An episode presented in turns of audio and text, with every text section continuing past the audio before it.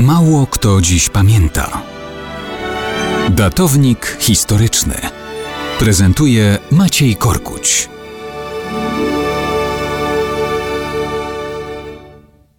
Mało kto dziś pamięta o tym, że 31 stycznia 1976 roku w Sejmie PRL złożono memoriał podpisany przez ponad 100 osób.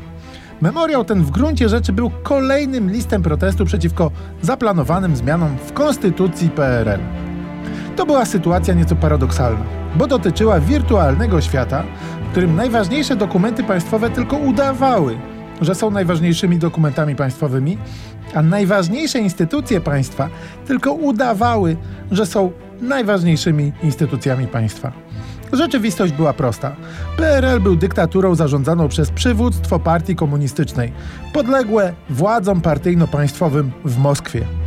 Oczywiście przez lata z dużym wysiłkiem utrzymywano wielki teatr ceremonialny. Udawano, że w Polsce rządzi Sejm PRL, udawano, że jest wybierany w wyborach, udawano, że te wybory są demokratyczne, udawano, że system władzy jest wielopartyjny, a tylko nadzwyczajne przywiązanie Polaków do partii komunistycznej powoduje, że wyniki wyborów zawsze są takie same. Wygrywa PZPR, drugie miejsce udający niezależność ZSL, a trzecie udające niezależność Stronnictwo Demokratyczne. I tak za każdym razem, od lat 40. do 80. Była konstytucja PRL, która udawała, że jest konstytucją. W tej konstytucji nie było ani słowa o tym, że w PRL najważniejszy jest pierwszy sekretarz partii komunistycznej i że podlega on władcom z Kremla. Jednak w połowie lat 70. komuniści wymyślili, że wpiszą do tej konstytucji, że partia komunistyczna jest, jak to nazwali, przewodnią siłą narodu i że specjalne miejsce zajmuje, jak to nazwali, sojusz z ZSRR.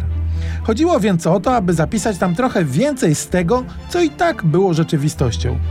Paradoksem jest więc, że symboliczny protest był przeciwko temu, że komuniści bardziej nazwali po imieniu to, co i tak było faktem. Ale skoro to był teatr, to protest też miał swój sens. Ludzie wiedzieli, że konstytucja jest udawana i był to akt prawdziwej odwagi podpisać taką listę, bo w PRL wiele rzeczy było udawanych, ale represje, aresztowania i zastraszanie ludzi były absolutnie nieudawane.